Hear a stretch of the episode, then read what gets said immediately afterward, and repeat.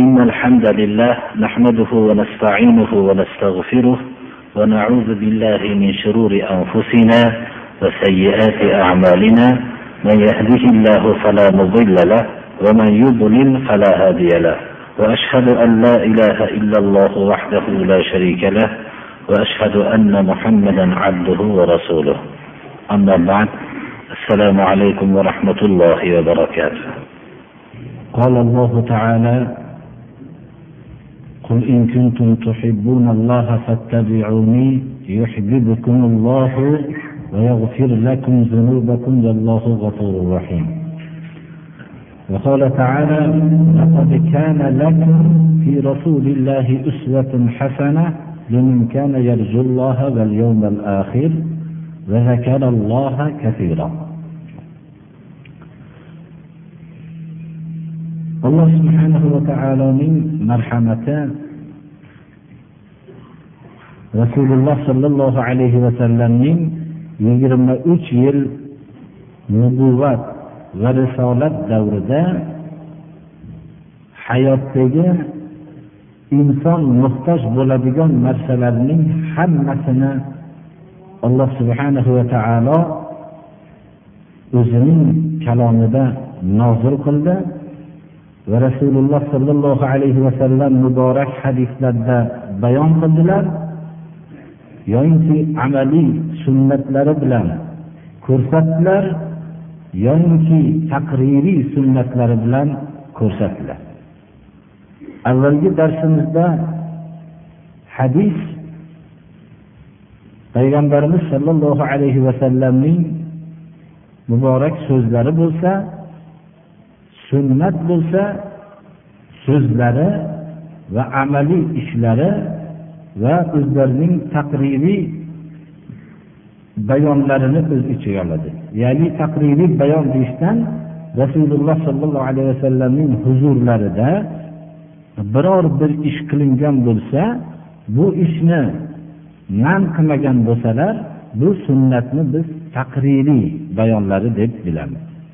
Bu narsa bizga hujjat bo'ladiki bu amal qilishlik sunnat bo'lib qoladi. Demak inson hayotda yashar ekan o'zining ehtiyojotlarini ta'minlashlikda majburdir biror sohaga ergashishlikka. Ba'zi kishilar bilgan holatda ergashadi. Ba'zilar bilmagan holatda ergashadi misol qilib olganimizda farzand tug'ilishligi bilan unga dinga mansub bo'lganlar ham hech qanday bir dinga mansub bo'lmasdan olamni tabiat yaratdi deganlar ham o'ziga xos bir maslakka ergashishlikka majburdir. Bola tug'ilishligi bilan qandaydir bir harakatlar sodir bo'la boshlaydi. Bola tug'ilishligi bilan bu bolaning tug'ilganligini e'lon qilish uni boshqalar muborakbod qilish unga biror bir nom qo'yish yoyinki shu bolaning tug'ilganligini e'lon qilib biror bir narsa bir ziyofat uyushtirish xullas bola tug'ilganidan inson tug'ilganidan tortib to o'lguncha oxirgi o'limida ham o'lgandan keyin bir narsa qilishadi. Xoh uni shu usti boshi bilan boring ko'mib tashlasin. Yo ustiboshini olib qolib ko'mishsin. Yoyinki ustiboshini olgandan keyin bir yuvishni ko'mish. Yoyinki yuvgandan keyin o'ziga xos bir yuvishni bir shakli bilan. Xullas hayotdan to tug'ilgandan tortib o'lguncha va vafot qilgandan keyin ham qandaydir bir maslakka inson xohlasa ham xohlamasa ham ergashadi. Har qanday dinga mansub bo'lganlar ham ergashadi dinga hech qanday mansub bo'lmaganlar ham ergashadi. Shuning uchun alloh subhanahu va taolo bizni yo'qdan bor qilib yaratib bizni o'z holimizda tashlab qo'ygani yo'q bizni har bir hayotimizdagi amalda nima narsa yaxshi bo'lsa shunga yo'lladi. Buni qur'oni karim bilan yo'lladi hadisi muborak bilan yo'lladi yo amaliy sunnat bilan yo taqririy bayon bilan yo'lladi. Mana bu alloh subhanahu va taoloning bizga eng katta marhamatlaridan biridir. Shuning uchun mo'min kishi o'zining hayotida amallari bir necha qismni o'z ichiga oladi. Mo'min kishi tarafidan mutlaqo ixtiyori yo'q bo'lgan amallarga ma'murdir. Bu farz amalidir. Alloh subhanahu va taolo buyurdi. Farz ham ikki qism bo'ldi. Farzi ayn. Bu har bir musulmon kishiyu va ayolga farz bo'ldi. Farzi kifoya. Farzi kifoya musulmonlar kifoya qilgudek miqdordagi musulmonlarning bilishligi farz bo'ldi. Ya'ni bu bitta odam bajarib qo'ysa degan ma'no tushunib qolinmasligi kerak. Masalan aytaylik janoza namozi farzi kifoyadir. Farzi kifoya bu bajarilmay qolsa hamma musulmonlar gunohkor bo'ladi. Agar bir kishi vafot qilsayu janoza namozi o'qilmay qolsa hamma musulmonlar shu diyordagi musulmonlar gunohkor bo'ladi. Agar shu bajarilsa boshqa bajarmagan musulmonlarning tarafidan soqit bo'ladi. Bu farzi kifoya. Masalan yana farzi kifoyalardan bittasi dinsizlarning ko'p ilmlarini islomga qarshi hujum qilgan vaqtlarda ularni daf qilib qaytarolmaydigan olimlarni bo'lishligi ham farzi kifoyadir birodarlar ya'ni islomga qarshi shubhalarni aytib islom bu mana bunday shubhalar bor deb o'zini tushunmagan fikrlarni tarqatgan vaqtida ularning shubhalarini rad qilib tashlaydigan islom olimlarining bo'lishligi rad qilolmaydigan darajada bo'lishligi farzi kifoyadir birodarlar. Farzi ayn namoz durust bo'ladigan miqdorda qiroat ilmini bilishlik farzi ayndir. Halol harom ilmlarni bilishlik farzi ayndir. Bir kishi savdo bilan shug'ullansa savdo ilmini bilishlik farzi aynga aylanadi. Savdo bilan shug'ullanmaguncha savdo ilmini bilishlik farz ayn bo'lmay turadi. Bir odam turmush qilishligidan ilgari turmush ya'ni nikoh taloq ilmlarini bilishlik farz bo'lmay turadi. U nikoh turmush qilishligi bilan nikoh va taloq ilmlarini bilishlik farzi ayn bo'ladi. Xullas hayoti birinchi farzi kifoya farzi ayn bo'lsa vojib amallar bilan va sunnati muakkada sunnati zavoid ya'ni mustahab amallar makruh makruhi tahrimiy makruhi tanzimiy va muboh amallarini o'z ichiga oladi. Albatta harom bo'lgan amallarni ham o'z ichiga oladi. Mo'min kishiga ba'zi narsalarni qilish farzi ayn bo'lsa ba'zi narsalar farzi kifoya ba'zi amallar vojib ba'zi amallar unga qilishlik muboh ya'ni ruxsat qilsa savob bo'lmaydi. Ya'ni qilmasa gunohkor bo'lmaydi. Muboh amallar. Ba'zi amallar makruh tahrimiy ya'ni haromga yaqinroq turadi. Ba'zi amallar makruhi tanzihiy halolga yaqinroq turadi. Mana bu hayotdagi amallar shu ishlarni o'z ichiga oladi. Albatta biz sunnat amalini avvalda gapirib o'tdik. Sunnat bu sunnati muakkada kuchli sunnatlar. Ba'zi amallar bo'lsa sunnati zavoiddir mo'min kishining hayotida biror bir amal yo'qki o'zining ixtiyori bilan bajarib ketaveradigan. Magar dunyo ishlarida ixtiyorlidir. Rasululloh sollallohu alayhi vasallam antum a'lamu bi shu'uni dunyakum dunyo ishinglarni o'zinglar biluvchiroqsizlar albatta bir odamga zarar yetkazadigan uslubda qilmaydi. Dunyo ishlarini ham o'ziga xos bir qoidalari borki u islom shariatida to'la bayon qilingan. Shuning uchun ham biz ko'p amallarimizda sunnat amallarini esdan chiqarganmiz. Yoyinki esimizda bo'lsa amal qilmaymiz. Shuning uchun bugungi darsimizni avvalgi darsimizni davomi qilib agar ollohni yaxshi ko'rsanglar menga ergashinglar deb ayting ey muhammad alayhissalom deyapti alloh taolo. Shunda olloh sizlarni yaxshi ko'radi va gunohinglarni mag'firat qiladi. Rasululloh sollallohu alayhi vasallamda sizlarga namuna bor yaxshi namuna bor. Kimga? Ollohdan umid qilishlik sifati bo'lgan odamga. Qiyomat kunini umid qilgan kishiga va ollohni ko'p yod qilgan kishiga. Demak ollohni umid qilgan qiyomat kunini umid qilgan va ollohni ko'p yod qilgan odamgina shu sifatga ega bo'lgan odamgina rasululloh sollallohu alayhi vasallamning o'ziga namuna qilib oladi. Agar shu sifatlar bo'lmagan kishi rasululloh sollallohu alayhi vasallamni o'ziga namuna qilmaydi. Bu qattiq gap bo'lyapti birodarlar. Shuning uchun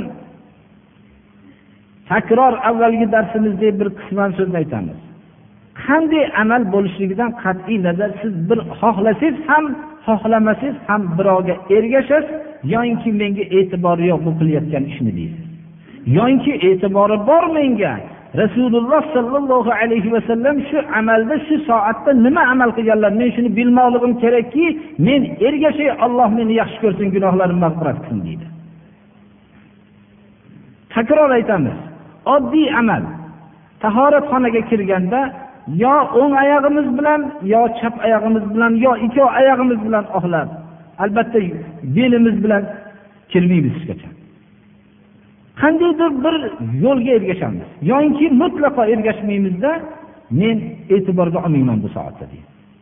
Bu e'tiborga olmagan odam ollohni ko'p yod qilmagan odam hisoblanadi. Har bir soatda biz xohlasak ham xohlamasak ham ergashamiz. Ba'zi bir kishilar aytishi mumkinki men bu narsalarni e'tiborga olmayman. Ba'zi narsalar men bu dindan deb bilmayman deb o'zicha o'zining qilayotgan amallarini xato amallarini bekitmoqchi bo'lishi ham mumkin. Misol qilib aytganimizda bu gapi kizibdir birodarlar. Chunki mabodo. Oddiy narsani aytaylik. Bir kishi o'zini yuvinayotgan vaqtda g'usul qilmoqchi bo'lsa soatga yaqin vaqt sarf qiladi. Buni e'tibor beradi bunga. O'zini pokiza bo'lishligiga e'tibor beradi. Shu pokiza bo'lishlikni qandaydir bir kishiga ergashadi. Yoinki mutlaqo hali aytib o'tganimizdek e'tiborga olmasdan yuvinadi. Bu takror aytamiz g'ofillik. Shunda rasululloh sollallohu alayhi vasallam qanday yuvinganlar bo'lsa shunday yuvinaman deyish bu narsa sunnatdir. Bu ollohni zikridir o'ylamasinki men rasuliga ergashaman lekin bu ishlarni men e'tiborga olmayman men birovga ergashayotganim yo'q demasin. Kishi birovda ko'rgan narsasiga taqlid qilib hayot kechiradi. Har bir narsada shunday bo'ladi. Hayotlardagi ishida o'zi bilan ollohni o'rtasida xoli bo'lib aytirsin ayt o'zingga oshkor ayt. Sen kimga ergashyapsan hozir shu amalingda desin o'zi javobini o'zi bersin qandaydir bir kishilarga ergashib ish qiladi. Shuning uchun biz hozir o'zimizni tug'ilgan vaqtimizda nima qilishlik sunnatligini biz bilmaymiz birodarlar chunki tug'ilgan vaqtimizda bizda aqlimiz boshqa narsamiz bo'lmaydi. Lekin farzandimiz tug'ilgandan boshlaylikda shu farzandimiz tug'ilgandan boshlab biz nima amallarni qilsak shu farzandimizga nisbatan sunnat bo'ladi? Qaysi amallarni qilsak rasululloh sollallohu alayhi vasallamning buyruqlariga muvofiq bo'ladi? Mana bu haqda bugungi darsimizni farzandning tug'ilganidan boshlaylik agarki bizni hayotimiz to'g'rilanmay qolgan bo'lsa ham farzandlarimizning hayoti to'g'rilanib qolsa. Birinchi inson farzand talabida bo'lishlik o'zi mustahab amaldir. Ollohdan farzand talab qilishlik o'zi mustahab amallardan hisoblanadi. Va farzand ko'rgandan keyin qiz ko'rsa xohlamaslik o'zini g'azablanishligi bu makruh amallardan hisoblanadi. Farzand tug'ilgan vaqtda uni xabarini berishlik bu ham mustahab amallardan hisoblanadi. Farzand tug'ilgan vaqtida unga azon va iqoma aytishlik ham mustahab amallardan hisoblanadi. Farzand tug'ilgan vaqtda tahnik biror bir katta amallik olimni oldiga olib borib biror bir narsani xurmo bo'lsa yaxshiroq xurmoni chaynatib uni og'ziga shuni suvini tomizishlik ham mustahab amallardan hisoblanadi. Undan keyin aqiqa haqida farzandning shukronasiga o'g'il bolaga qodir bo'lsa ikkita qo'y yoyinki qiz bola bo'lsa bitta qo'y. Va shuni so'ygan yettinchi kunda bo'lishligi haqida inshaalloh o'zi o'rinda aytamiz. Shu aqiqa qilgan kunda sochini olib siz sochini tarozida tortib shunchalik miqdorda kumushni sadaqa qilishlik mustahab amallardan hisoblanadi. Va uning nomini qo'yish va farzandni xatna qilish qiz bola bo'lsa farzandning qulog'ini kelajak vaqtida biror bir taqinchoq taqishlik uchun qulog'ini teshishlik ruxsatmi yo'qmi? Qulog'ini teshishlik kelajak hayotida ziynatlanishligi uchun bunga mustahab amallardan hisoblanadi. Mana bu hukmlar biz qilishligimiz bola tug'ildi. Men nima qilay? Qaysi amalni qilsam sunnatga muvofiq ishlar qilaman? Degan narsaga biz majburmiz. Agar xohlamasak bu narsani qandaydir boshqalarning yo'liga ergashamiz? Hozirgi vaqtda tuturuqsiz bir hayot vujudga kelgandek hozir odamlar islomning haqiqatini bilishmasalar tug'ilgan kuni bir yilligi ikki yilligi uch yilligi va hokazo bu tillo to'y va birlam va bu hokazo to'ylarni to saksonu to'qsonga kirguncha olib ketaveradi. Xohlasa ham xohlamasa ham bir qandaydir bir yo'lni topadi. Odamlar agar takra bu inson tabiatidagi fitrat alloh subhanahu va taolo yaratgan narsa. Bu narsalarda aytsin kimga ergashyapman deb savol qilsin o'ziga agar inson sunnatga ergashmasa albatta bid'at tarafidan bo'lib ham kofirlarning yo'liga ergashib ketib qolib kim bir toifaga o'zini o'xshatsa shular jumlasidan bo'lib qoladi. Aytsin bu narsalarni e'tibori yo'q degan odamlar. O'zi hech narsa qilmayapti bola tug'ilishligi bilan shu bilan damini chiqarmasdan shu vaqtda ushlaganicha hech narsa qilmasdan bolani tug'ilganligini ham e'lon qilmasdan shundaylikcha o'tyaptimi? Islomni masxara qilgan toifalar nima qilishyapti bolasi tug'ilgan vaqtida? Qandaydir bir yo'lni topib ergashishyaptimi va uni madaniyat deyishyapti. Madaniyat deyishlik bilan sunnat amallar qoloqlik deb e'tibor beryapti. Demak maqsad islomning yo'lini qoralash emas. Qoralash. Lekin undan boshqa bir yo'lga sizni topib berib islomni yo'lidan chiqarish hamdir. Shuning uchun biz birodarlar majburmiz har bir sohada bir yo'lga ergashishlikka. Bundan biz tashqariga chiqolmaymiz. Xohlaylik rasululloh sollallohu alayhi vasallam bizga tuzib bergan yo'lga ergashaylik xohlaylik boshqalarning yo'liga ergashib ketaylik. Rasululloh sollallohu alayhi vasallamda yaxshi namuna bor bizga deb ollohdan umidvor bo'lib ollohni ko'p yod olib qiyomat kunini umid qilib shunga ergashaylik. Ho bunda ajrlanamiz ergashmasak ajrdan mahrum bo'libgina qolmasdan boshqalarni yo'liga qasd qilib ergashilsa shular jumlasidan bo'lib ketib qoladi alloh subhanahu va taolo ning marhamati takror aytamiz. Hayotda qaysi bir holat bo'lsa alloh subhanahu va taolo shuni bizga kitobida hadisda sunnati amaliyda taqririy bayonda bayon qilib berdi. Hatto farzand turmush qilib nikohlanib o'zining oilasi bilan qo'shilayotgan vaqtda ham sunnat amal nima ekanligini rasululloh sollallohu alayhi vasallam bizlarga ta'lim berdilar. Va shunda maxsus o'zlarining duolarini ta'lim berdilar va shunga ajr va'da qildilar.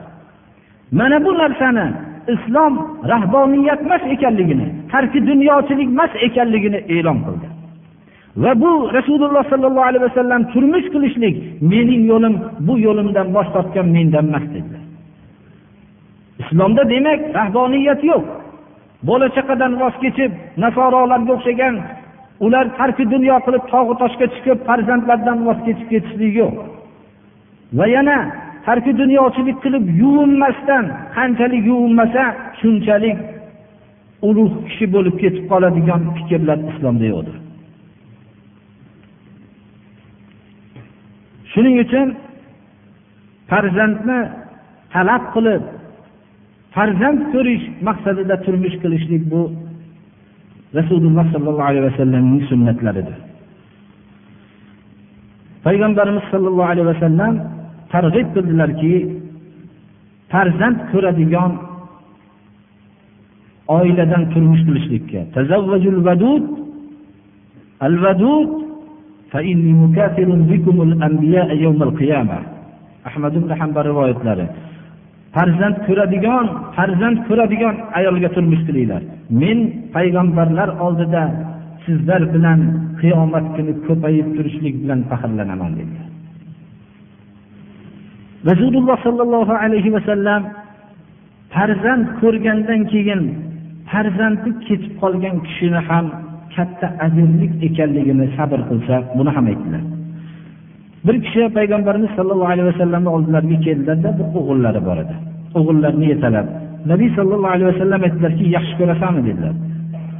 Yo rasululloh sizni ham menga olloh yaxshi ko'rsatsin shu bolani menga yaxshi ko'rsatgan deydi. Shunaqa yaxshi ko'raman dedilar. Payg'ambarimiz sollallohu alayhi vasallam u bolani ko'rmay qoldilar. Falonchini o'g'li nima bo'ldi dedilar. shunda aytishdilarki yo rasululloh vafot qildi dedi dadalarini chaqirib aytdilarki أما تحب ألا تأتي بابا من أبواب الجنة إلا وجدته ينتظرك عليه فقال رجل أله خاصة يا رسول الله أو لكلنا قال بل لكلكم aytdilarki sabr qildingizmi deb sabr qilganligini aytgandan keyin aytdilarki jannat darvozalaridan qaysinisiga kelsang seni kutib turganligini do'st tutasanmi dedi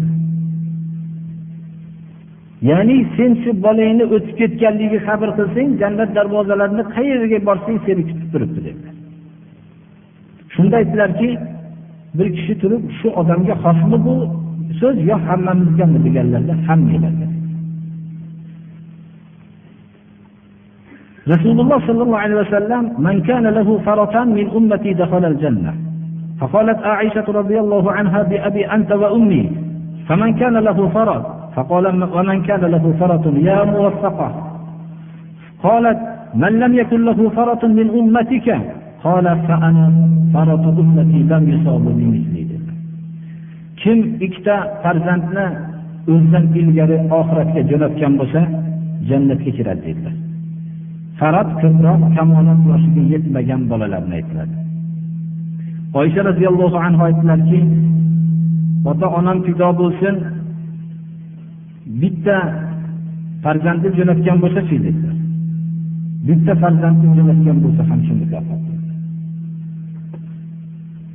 bir odam farzandi bo'lmasachi ya'ni jo'natadigan farzandi bo'lmasachi dedilar shunda aytdilarki ummatimni ummatimdan oldin borib kutib turadigan menman dedilar. Menga o'xshagan farati yo'q dedilar. Oldin borib kutib turadigani yo'q dedilar. Men uni kutib turaman dedilar payg'ambarimiz sollallohu alayhi vasallam ayollarga mav'iza qilganlarida يموت لها ثلاثة من الولد إلا كانوا له حج لها حجابا من النار فقالت امرأة وإثنان فقال عليه السلام وإثنان payg'ambarimiz sollallohu alayhi vasallam aytdilarki ayollarga biror ayolni uchta farzandi vafot qilgan bo'lsa ular jahannam o'tidan bularga parda bo'ladi dedilar bir ayol turib ikkitasi dedilar Ikkitasi ham shunday dedilar. Xullas islomda bir kishi uylansayu farzand ko'rsa farzandi vafot qilib ketsa bu bilan ma'yus bo'lishligi yo'q. Unga islom javob bergan. U farzandi o'tkazgan farzandini o'zidan ilgari kuzatgan kishilar jannat darvozalari kutib turishligini va'da qilingan. Albatta bu birodarlar iymonli kishilar islomga amal qilgan kishilarga bo'lmasam yahudlar ham farzandi o'ladi nasorolarning ham farzandi o'ladi. Faqat islomdagi kishilarga va sabr qilolmagan kishilarga. Mashorat ya'ni bir kishi farzand ko'rganda men farzand ko'rdim deb o'zining qarindoshlariga yaqinlariga bashorat berishlik mustahabdir birodarlar. Bu rasululloh sollallohu alayhi vasallamning sunnatlari. Alloh subhanahu va taolo ibrohim alayhissalomga farzand berishligini bashoratini jo'natdi.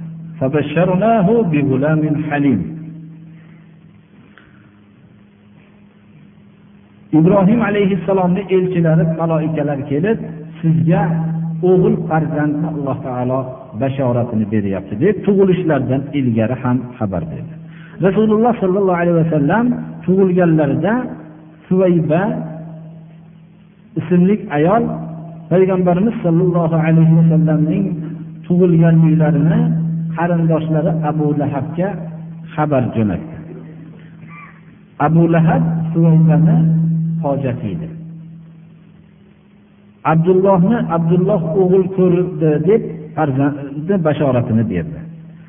Abu lahab shu kunda shu cho'risi suvaybani ozod qildi xursandligiga demak biz boshqa hadislar hammasidan shuni bilamizki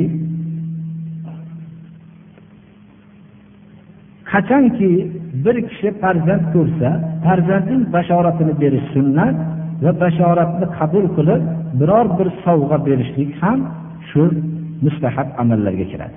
Ya'ni mashru amallarga kiradi. Bolaning qulog'iga azon aytishlik va iqoma aytishlik shu haqda ham mana shu mumkinmi? Yo'qmi? Nabiy sollallohu alayhi vasallamdan bayhaqiy o'zlarining shuabul iymon kitoblarida rivoyat qiladilarki payg'ambarimiz sollallohu alayhi vasallam aytdilarki فأذن في أذنه اليمنى وأقام في أذنه اليسرى رفع رفعت رفعت عنه أم الصبيان ya'ni biror bir farzand tug'ilgan bo'lsa bir kishiga uni o'ng qulog'iga azon aytsin dedilar chap qulog'iga iqoma aytsin buni sibyon shu bolalarning onasi uni ko'tarib tursin dedilar. Tushunarlimi? Payg'ambarimiz sollallohu alayhi vasallam o'zlari ham hasan ibn ali imom hasan tug'ilganlarida quloqlariga o'ng quloqlariga tug'ilgan kunda azon aytdilar va chap qulog'iga azon aytdilar. Bu ba'zi bir rivoyatlarda buni isnodida zaiflik bor deydi boshqa hadislar buni quvvatlaydi albatta. Azonni siri mumkinki shu bo'lishligi birinchi insonning qulog'iga chalinadigan so'z yaratuvchisining ismi bo'lsin va Allohning buyukligi va najotga yurishlikka va butun namozga yurishlikka bo'lgan e'lonni birinchi marta qulog'iga eshittirilishlik xuddi bu dunyodan ketayotgan soatida ham ollohni ismini talqin qilinib turiladi. Dunyoga kelgan vaqtida ham Allohning ismi talqin qilinsin va Allohning ismi dunyodan ketayotganda ham talqin qilinishlik bu sunnat amallardan. Tahnik farzandning og'ziga xurmo yoki chaylab shuni suvini yoki inson o'zini og'zini suvidan ozgina bir amallik olimlarni shunday tahlik tabarruk qildirishlik durustmi yo'qmi? Rasululloh sollallohu alayhi vasallam mana imom buxoriy va imom muslimning jomi sahihlarida abu muso ashariydan rivoyat qilinadiki abu muso ashariy aytadilarki menga bir farzand tug'ildi. Shunda nabiy sollallohu alayhi vasallamning oldilariga olib keldim. Nom qo'ygandilar ibrohim deb va bir xurmo bilan og'ziga suvini tomizib qo'ydilar. Imom buxoriy imom muslimni rivoyatlaridan boshqa bir qo'shimchasi ham borki ya'ni abu muso ashariyning farzandlari ibrohimni barakot bilan duo qildilar va menga qaytarib berdilar. Abu muso ashariyning katta farzandlari edi xullas bu haqda juda ko'p rivoyatlar bor. Faqat biz kerakli bittasini rivoyatini aytib ketamiz. Aqiqa haqida aqiqa sunnatmi durustmi mana shu haqda. Aqiqaning hukmlari qanday? Mana bu haqda ko'p savollar qilinadi birodarlar. Farzand voyaga yetib boryapti. Aqiqaning birinchi mustahabligiga ko'p dalillar bor. Rasululloh sollallohu alayhi vasallam hasan ibn ali va husayn ibn ali ikkovlariga ham ikkitadan qo'chqor so'yib aqiqa qilganlar. Rasululloh sollallohu alayhi vasallam deydilar sahobalardan bittalari rivoyat qilib bolani yettinchi kunida nom qo'yishlikka va uning sochini oldirishlikka va uning jonibidan aqiqa qilishlikka buyurdilar. Imom termiziyni rivoyatlari. Muraydatul aslamiy aytadilarki johiliyat vaqtida bizlarga farzand tug'ilganda bir qo'y so'yilardida boshini shu qo'yni qoni bilan bir surtib qo'yilardi islom kelgandan keyin biz bitta qo'y so'ydik va sochini oldik va zafaron bilan boshini zafaron surtib qo'ydik. Zafaron bu xushbo'y bolaning yangi tug'ilgan vaqtidagi bo'ylarini ketkizadigan xushbo'y muloyim va bolaning boshiga davo bo'ladigan ya'ni dori narsadir. Shuni tushunishimiz kerakki demak bola tug'ilgan vaqtida uning shukronasiga yettinchi kuni qo'y so'yishlik aqiqa va boshini sochini olishligimiz va zafaron mabodo topollasak shu narsani boshiga surtishligimiz va uning boshini sochini miqdorida kumushni tortib ehson qilishligimiz mustahab amallardandir tashvish qilinmasin buncha og'ir kelmaydi birodarlar. Bu kumush nihoyat bu bolaning sochi oz bo'ladi. Uni shu miqdorda kumushni tortib ehson qilishlik bu mustahab amallardan. Biz hozir aytib o'tganimizdek aqiqa bo'lganda yettinchi kunida qilishlik favt bo'lib qolsa. Bu o'n to'rtinchi va yigirma birinchi kunlarda aqida qilinadi. Mabodo bir kishidan aqida favt bo'lgan bo'lsa shu o'zi yoshi ulg'ayganda ham aqiqa qilib qo'ysa mumkin ruxsat qilmasa ham hech narsa bo'lmaydi. Payg'ambarimiz sollallohu alayhi vasallam aqiqaga targ'ib qildilar. Bola o'zining aqiqasiga garovlangan dedi biz mana bu sunnatni qilmaganimizdan keyin majbur bo'lyapmiz bir qandaydir bir narsa ixtiro qilishlikka. Mana hozirgi vaqtda qilinayotgan ishlar hammasi sunnatga xilof bo'lgan ishlardir. Aqiqani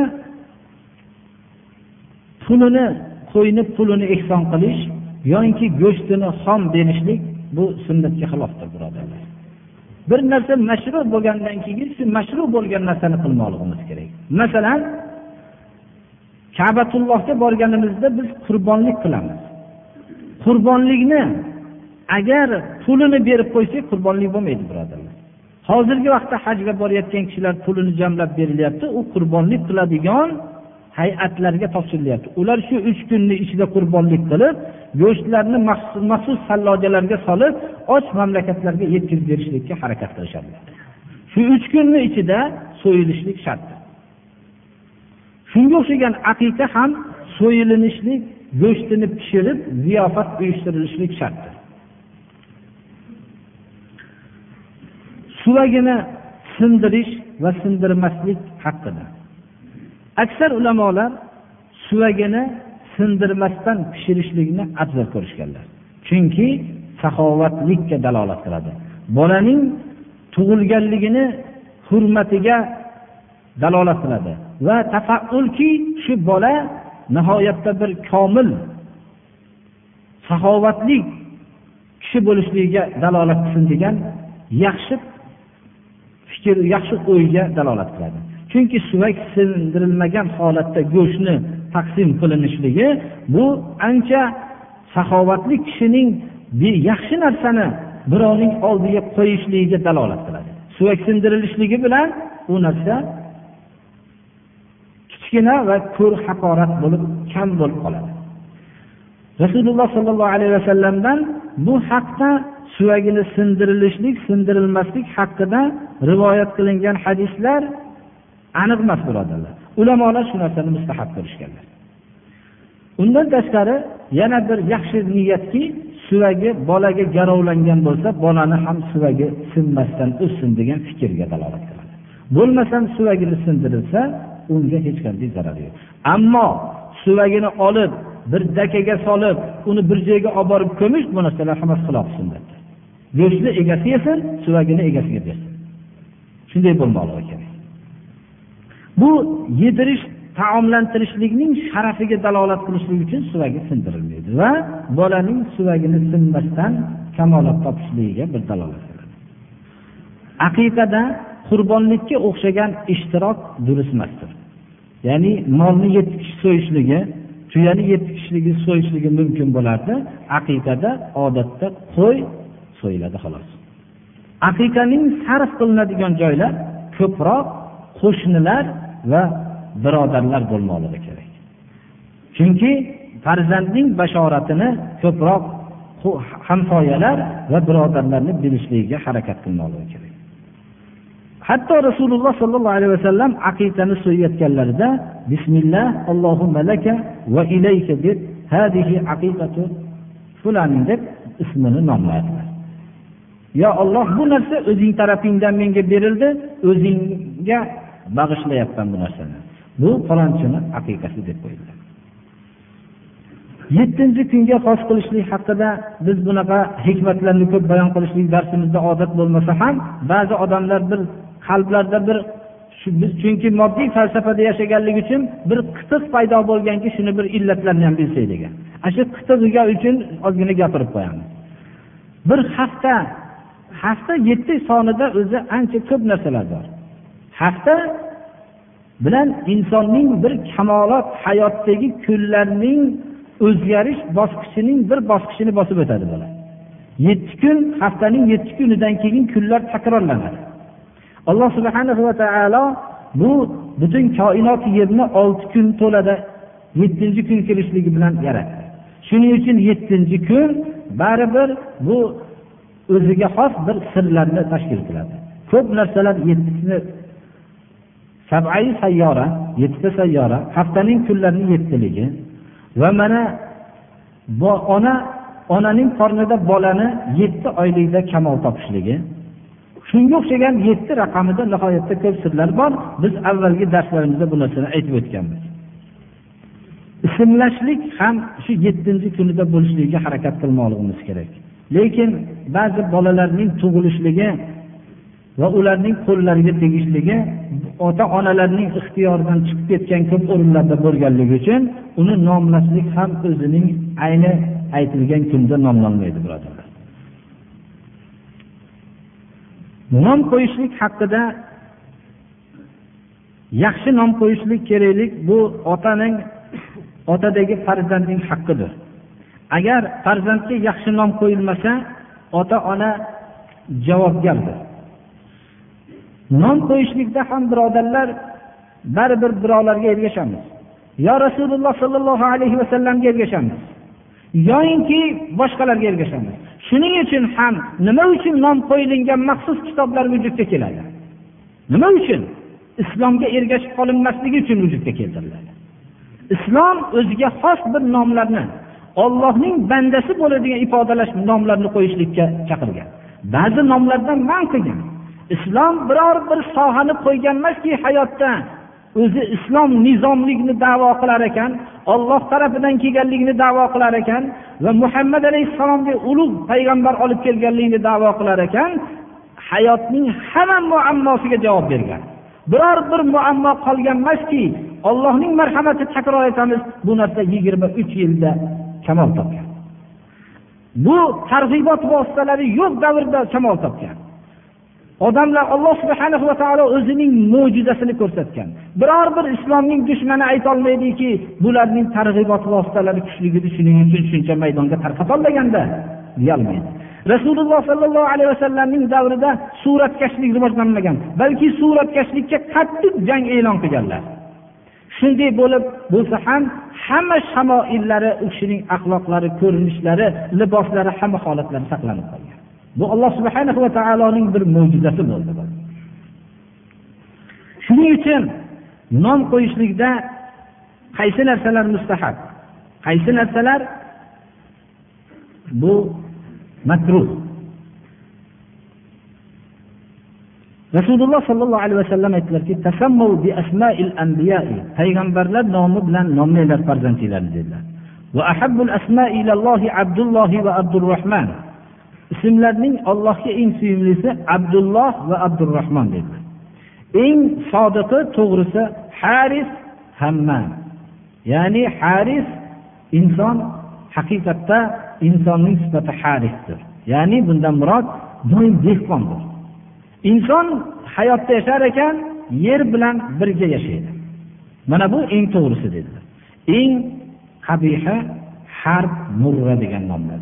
Harb jang degani murra achchivoy degani mana bunaqa nomlar eng sun'iy nomlar bizni tarafimizda ham birodarlar nihoyatda sun'iy nomlarni qo'yilishligi mana bu islomiy dunyoqarash bo'lmaganligidan vujudga kelgan juda ko'p odamlar hamma savol javob bo'laversayu nomim so'ralmasa deydi ba'zi odamlar. Hijolat bo'ladiki nomini ko'pchilik orasida aytishlikda insonlar uni har xil niyatlar bilan qo'yishadi. Qanday niyat qilishligidan qat'iy nazar durustemas nom durust bo'lib qolmaydi masalan nomlarni ichida bo'rivoy bu narsalar boltavoy teshovoy bu narsalar hammasi johiliyatni qoldi mana xususan ahli ilm bo'lib qolgan kishilarning nomi boshqacha bo'lishligi bilan nihoyat darajada odam hijolat bo'ladi. Savol bo'ladiki bir kishining nomi ikkita bo'lsa bo'ladimi? Nomi ikkita va uchta bo'lishligi mumkin. Rasululloh sollallohu alayhi vasallamning mashhur nomlari oltita bo'lgan. Shuning uchun ba'zida bir nomlari ikkita bo'lishligi bilan unga hech qanday xilof sunnat bo'lmaydi. Nomlar ichida hozirgi vaqtda ko'tarinki ruhida bo'lsin deb shariatga zid bo'luvchi nomlar qo'yilishligi kerak. Chunki nomlarni ba'zi davrlarda shu kitobdagidan boshqa nom qo'yishingiz mumkin emas deb majbur qilingan. Nima uchun? Nomiz islomiy bo'lib qolmasin nomizdan islomning bo'yi kelib turmasin. Mana bu narsani bu narsa hatto bu narsaga ko'p kishilar duchor bo'lgan malikul muluk podshohlarning podshohi. Bu nom makruhdir harom balki. Malikul muluk alloh subhanahu va taolo sultoni salotin sultonlarning sultoni. Shoh ham shoh shohlarning shohi alloh subhanahu va taolodir bu sifatlarni bu ma'noda bu agarki bu nom asmoul husnodan bo'lmasa ham buning ma'nosi alloh subhanahu va taoloning o'zidan boshqaga iste'mol qilinadi payg'ambarimiz sollallohu alayhi vasallam aytdilarki ollohni huzuridagi eng xor nom malikul amlo podshohlarning podshohi deb nomlanadi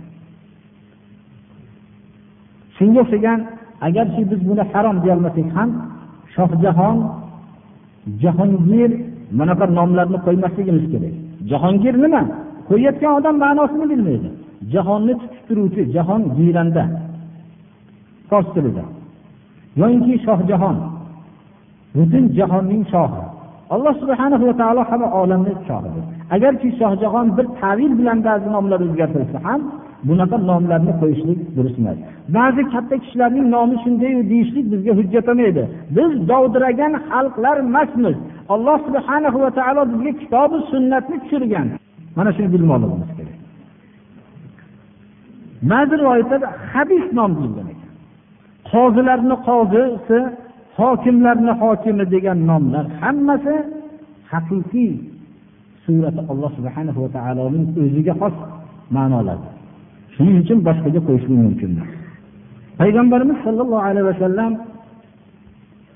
nomlarni yaxshisini yaxshi ko'rardilar nomlarning yomonini nihoyatda malollanardilar va shu narsani tezda o'zgartirardilar va har bir nomlardan bir yaxshi fol olardilar yaxshi niyat bilan olardilar. Masalan payg'ambarimiz sollallohu alayhi vasallam aytdilarki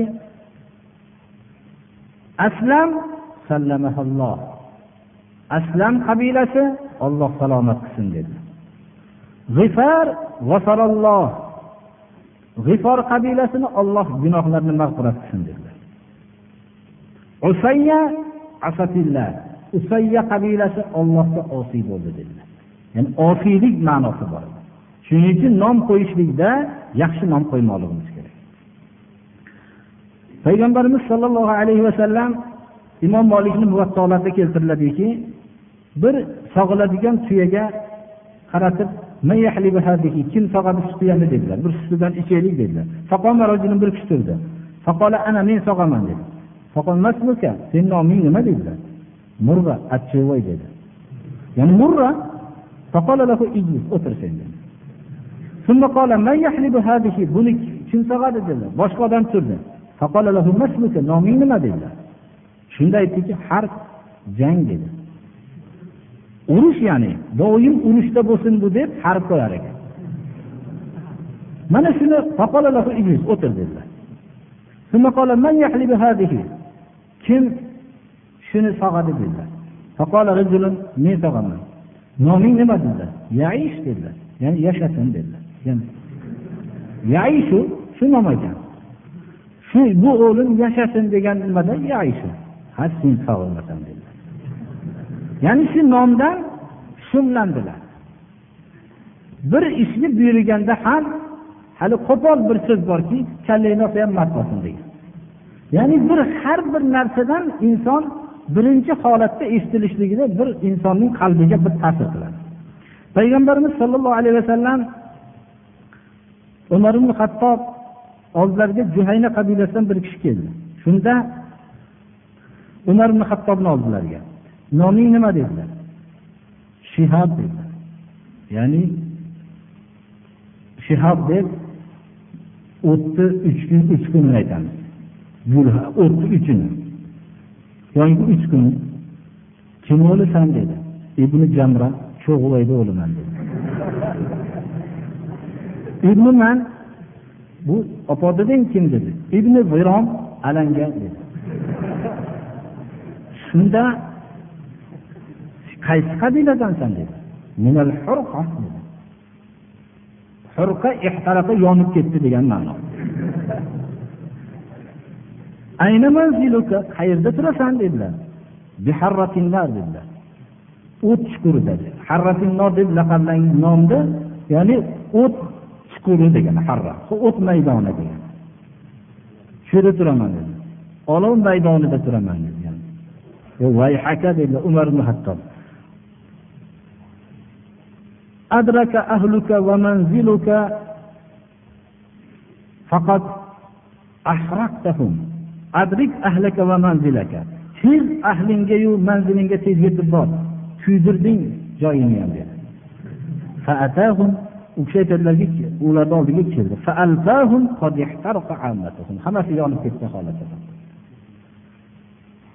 birodarlar hamma nom shunaqa bo'lsin hamma nomni ajdodgacha o'tdan tashkil topgan bo'lib nom qo'yilgan mana shunaqa hozirgi vaqtda ham shunaqa nomlar yo'q emas birodarlar. Ba'zi millatlar shu tug'ilish bilan tashqariga chiqar ekan nima ko'rinsa shu nomni qo'yar ekan. Shuning uchun rasululloh sollallohu alayhi vasallam nomlarning yomonidan ehtiyot bo'lar ekanlar. Hatto shu nomni xohlamas ekanlar. Bir kishi keldilarda noming nima? dedi. Huzn dedi g'am dedi e, bal anta sahl sen dedi bir muloyim yumshoq odam bo'lgin deb nomimni o'zgartirdi. Yo'q men ana shu dadam qo'ygan nomni o'zgartirmayman qachon shu qayerda bo'lsa g'amni vujudga kelaverar ekan? Ikkimizda shu bor joyda g'am bilan yashadik deb sahobalar rivoyat qilishadi.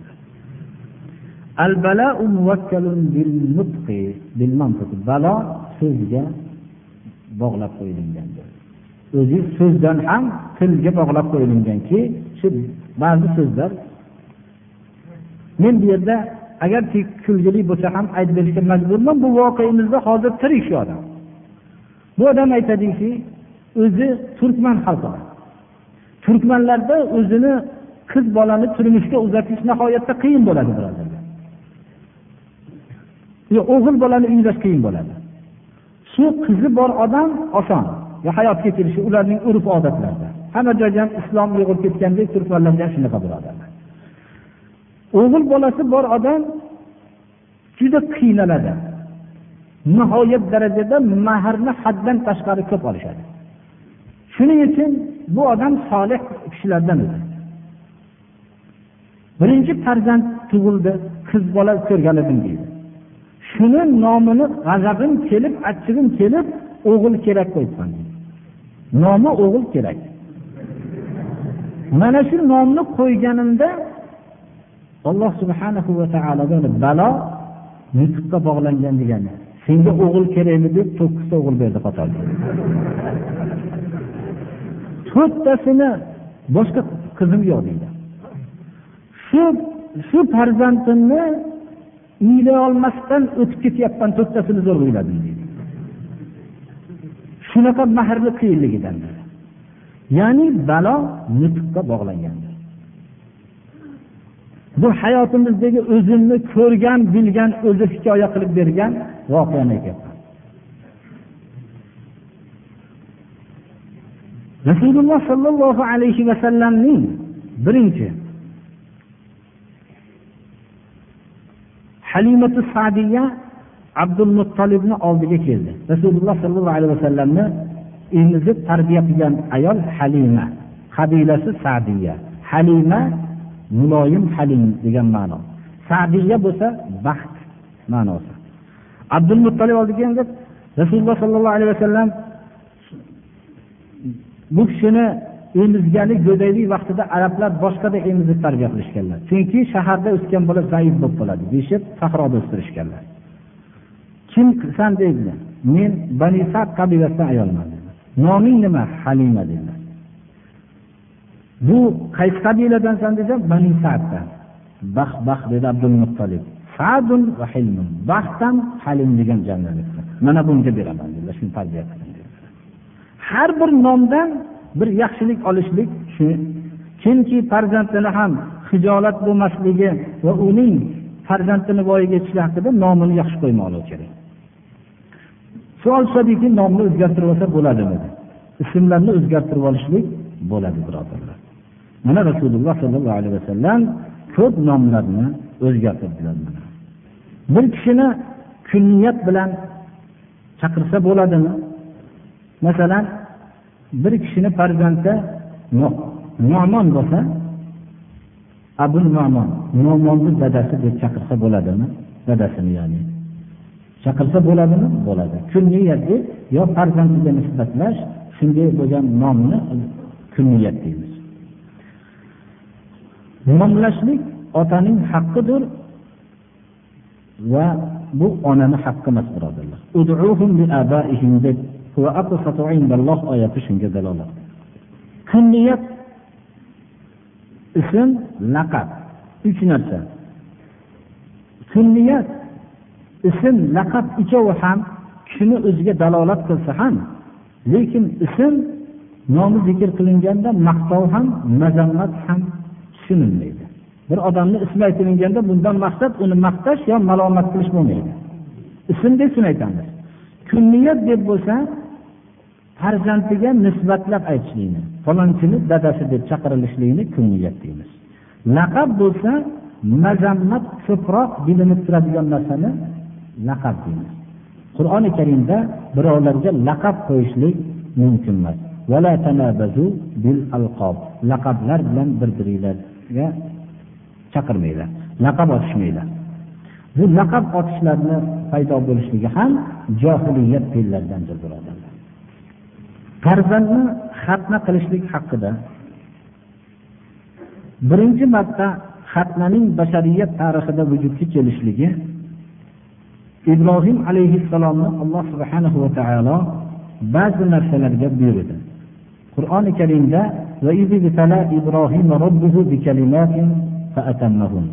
alloh taolo ibrohim alayhissalomni buyruqlar bilan imtihon qildi. Ibrohim alayhissalom bu buyruqni komil qildi.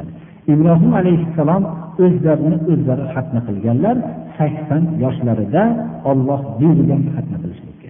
Shundan bizga millati ibrohim ibrohim alayhissalomning bu sunnatlari bizga meros bo'lib qoldiki bu meros ibrohim alayhissalomdan tortib rasululloh sollallohu alayhi vasallam bunga buyurdilar o'n narsani fitratdan deb sanadilar. Bu o'n narsaning ichida bittasi xatnadir xatnaning manfaati bu narsani hozirgi yangi tabobat ham buni kashf qildiki bunda insonga juda ko'p manfaatlar bor ekanligini ko'p kasalliklarning ko'p zarar kunanda moddalarning shu yerga o'rnashligi agar xatna qilinmasa shu narsa bayon bu hozirgi tib buni isbotladi. Hatto islomga qarshi bo'lib xatna qilingan vaqtda uning lavozimidan chetlatgan odamlarni ham alloh subhana va taolo burunlarini yerga ishlab xatnaning foydali ekanligini tan oldirdi. Allohga hamdlar bo'lsin. Shuning uchun islomni qabul qilgan kishi mabodo xatna qilinmagan bo'lsa nechi yoshda bo'lishligidan qat'iy nazar xatna qilishlikka ulamolar buyruq qilishgan. Va sochini oldirib tashlashlikka buyurganlar. Chunki kufr sochi ham tepadan tushib ketsin deyilgan. Boshqa islom sochi chiqsin deyilgan.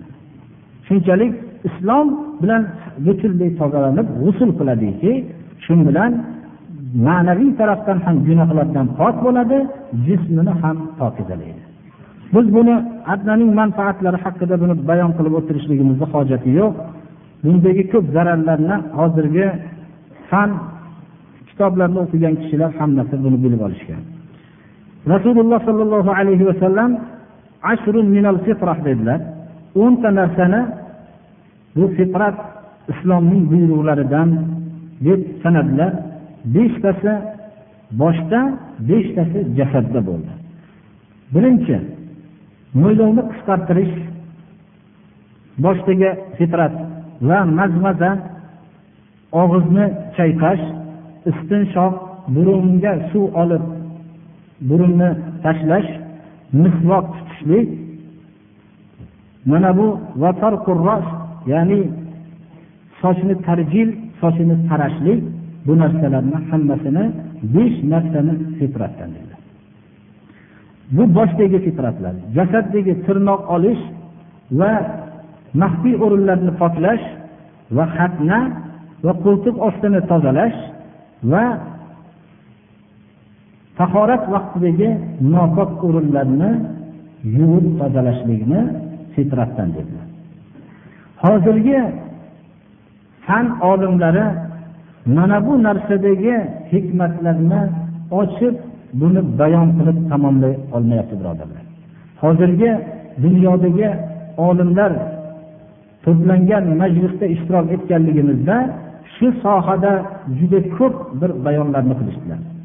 Dunyodagi insonga zarar beradigan moddalarni ko'p o'rnashadigan joyi og'iz bo'lishligini tirnoq bo'lishligini mana bu hatna qilinmagan o'rinlar bo'lishligini va qo'ltiq ostlari bo'lishligini mana bu narsalarni hammasini bayon qilishligi ilmiy yo'l bilan bayon qilishib islom buni bir ming to'rt yuz yil ilgari odamlarni bunaqa ilmiy kashfgacha qurbon bo'lib yo'g'ib ketishligiga qarab turmasdan kashf qilganligi biz uchun allohni juda katta marhamatidir birodar ba'zi bir rivoyatlarda shuni ham aytib o'tishimiz kerakki ulamolarning ko'plari hatma qilinmagan odamni so'ygan narsasi halol emas deyishgan va uning guvohligi ham o'tmaydi deyishgan. Buni ko'p ulamolar mana shunday deb e'tibor qilishganlar abdulloh ibn abbos al aqlas la tahillu lahu salatun va la tu'kalu zabihatuhu va la tajuzu lahu shahada degan ekanlar shamolat yoshiga yetsa xatna qilinmagan bo'lsa uning namozi ham durust emas so'ygan narsasi ham yeyilmaydi va uning guvohligi ham o'tmaydi degan ekanlar alloh subhanahu va taolo rasululloh sollallohu alayhi vasallamni payg'ambar qilib jo'natdilar. Shu payg'ambar qilib jo'natishlik bilan birga bizga hayotimizdagi hamma narsani bayon qilib berdilar. Bu qur'on eng to'g'ri bo'lgan yo'lga yo'llaydi mana bu biz birinchi takror aytamiz tug'ilganimizdan to vafot qilgunimizcha qandaydir bir yo'lga ergashishga majburmiz? Xohlaylik islom yo'liga ergashaylik xohlaylik boshqalarning yo'liga ergashaylik. Unda boshqalarni yo'liga ergashishlik bilan shular jumlasidan bo'lib qolishlikni ham esdan chiqarmasligimiz kerak. Mana bu birinchi tug'ilgan bola haqidagi tug'ilgan bolaga taalluq topuvchi ba'zi hukmlarni hozir aytib o'tgan bo'ldik. Menimcha mana bu sunnat amallarni qilmasak biz majbur bo'lib bid'at amallarni qilamiz. Mana hozirgi vaqtda o'ylaylik.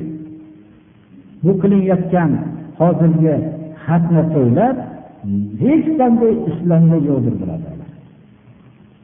Xotirjam bo'laylik. Rasululloh sollallohu alayhi vasallamning davrida biror marta bu ish bo'lgan emas birodarlar. Kim buni to'g'ri deb tavjih qilayotgan bo'lsa islomni o'zgartirishlikka harakat qilayotgan odam deb bilamiz.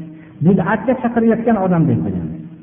Chunki ba'zi bir kishilar aytadiki axir bir sunnatni ulug'lash deb qo'yishadi. Agar sunnatni ulug'lash bo'lsa ashoblar ulug'lashgan. Tobiinlar ulug'lashgan.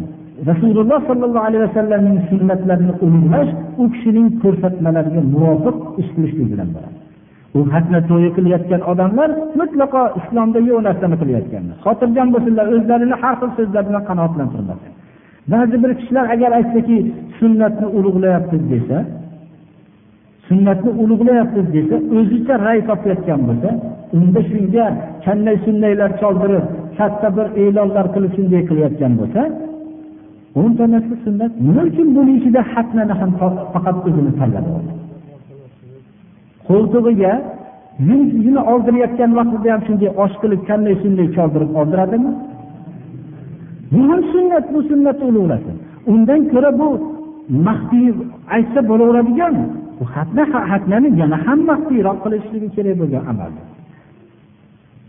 shuning uchun boshqa sunnatlar ham o'ylab ko'raylikki bu biz rasululloh sollallohu alayhi vasallam ko'rsatgan yo'l bilangina qilganimizda biz zokirlar jumlasidan bo'lamiz va sunnatni ihyo ham bo'lamiz. Kim mening sunnatim ummatimning fasodi bo'lgan vaqtda vujudga keltirsa unga yuzta shahidning ajri bo'ladi dedilar. Shuning uchun sunnatni ihyo qilishlikka harakat qilmoqligimiz kerak. Ba'zi bir kishilar juda mubolag'a so'zu yuzta shahidni juda katta ajri deysiz. Lekin ummat fasod bo'lgan vaqtda bitta sunnatni ihyo qilishlik uchun yuzmasda shahid bo'lishlikka sal qolasiz birodarlar. Mana bu narsani hozirgi vaqtda ko'rib turibmiz. Bir sunnatni ihyo qilishlikka harakat qiling buzilgan odamlarni ichida. Siz yuz marta shahid bo'lishlikka hal qolasiz shuning uchun alloh subhanahu va taolo nasib qilsa biz mana tug'ilgan bolaning hukmiga taalluqli bo'luvchi sunnatlarni bir qisman bayon qilgan bo'ldik. Bundan keyin sunnat amallarni qo'limizdan kelganicha bayon qilamiz. Bunga ergashishlikni alloh taolo nasib qilsinda va rasululloh sollallohu alayhi vasallamga ergashishlik bilan allohning muhabbatiga sazovor bo'laylik gunohlarimizni mag'firat qilinishligiga sazovor bo'laylik. Bir kishi so'rabdiki hozirgi darsimizga taalluqli bo'lgan masalan meni o'g'limni nomi sulton muhammad said shuni o'zgartiraymi deb so'rabdilar. Agar sulton muhammad ma'nosini. Sulton muhammad ya'ni bu meni o'g'lim sulton muhammad bo'lsin. Ya'ni faqat muhammad o'zida bo'lmasin sulton ham bo'lsin degan niyatda bo'lsa o'zgartirishlikka hojat yo'q. Agar shu ma'noda bo'lsa. Endi mabodo o'zini yuragida shubha bo'ladigan bo'lsa o'zgartirilsa bunga hech qanday zarari yo'q. Tushunarli bo'lganda sulton masalan olim abdurahmon degan nomga o'xshagan ma'no bo'lsa abdurahmonlar bo'lmasin o'lim olim abdurahmon bo'lsin deganga o'xshagan bo'lsa durust bo'laveradi said degani masalan said deb xitob qilishlik birovlarga mumkin bo'ladi lekin sayyidu valadi adam mumkin emas saharlikdan keyin o'qish mumkin emas. Saharlikda agar subh vaqtida qilgan bo'lsa subh vaqtigacha subh bo'lishi bilan to'xtatgan bo'lsa subhidan keyin bu tahajjud o'qishlik mumkin emas. Ushurni qiz farzandlarga bersa bo'ladimi debdi. Yo'q qiz farzandlarga ushurni o'zini farzandiga berib bo'lmaydi birodarlar. Ushur sadaqotlarni bermaydi. Shu so'z bilan bitta gap qoldi. Qizlarni ko'p karih ko'rishlik haqida ahmad ibn hambalni oldiga bir kishi kirib shu juda qizim ko'p degan ekanlar. Deganlarda payg'ambarlar qizlarining otasi deb qo'ygan ekanlar. Tarixda haqiqatda tekshirilsa payg'ambarlar abul banot bo'lganlar ko'p qizlarni otasi bo'lganlar. Lut alayhissalomni qizlari bo'lgan payg'ambarimiz sollallohu alayhi vasallamning qizlari bo'lgan. Juda ko'p payg'ambarlar abul banot bo'lganlar ko'p qizlarning otasi bo'lishganlar. Deb ahmad ibn hamda shunday degan ekanlar. Alloh subhanahu va taolo bu yerda bir kishi bir volidalari betob ekan alloh shifo bersin volidalariga bir dadalari osiy bo'lib yuradigan ekan alloh taolo mafiyat yo'ldan qaytarsin. Bu hozirgi ilm majlisiga e, uzoqroq joylardan bu darvozada kelishdilar. Alloh subhanahu va taolo hammalarini qadamlariga katta ajrlar bersin. Ba'zi bir kishilar duo qilganki biz ham alloh subhanahu va taolo ilm bersin deyishdilar alloh taolo ilm bersin ilmlarga amal qiladigan ilm bersin.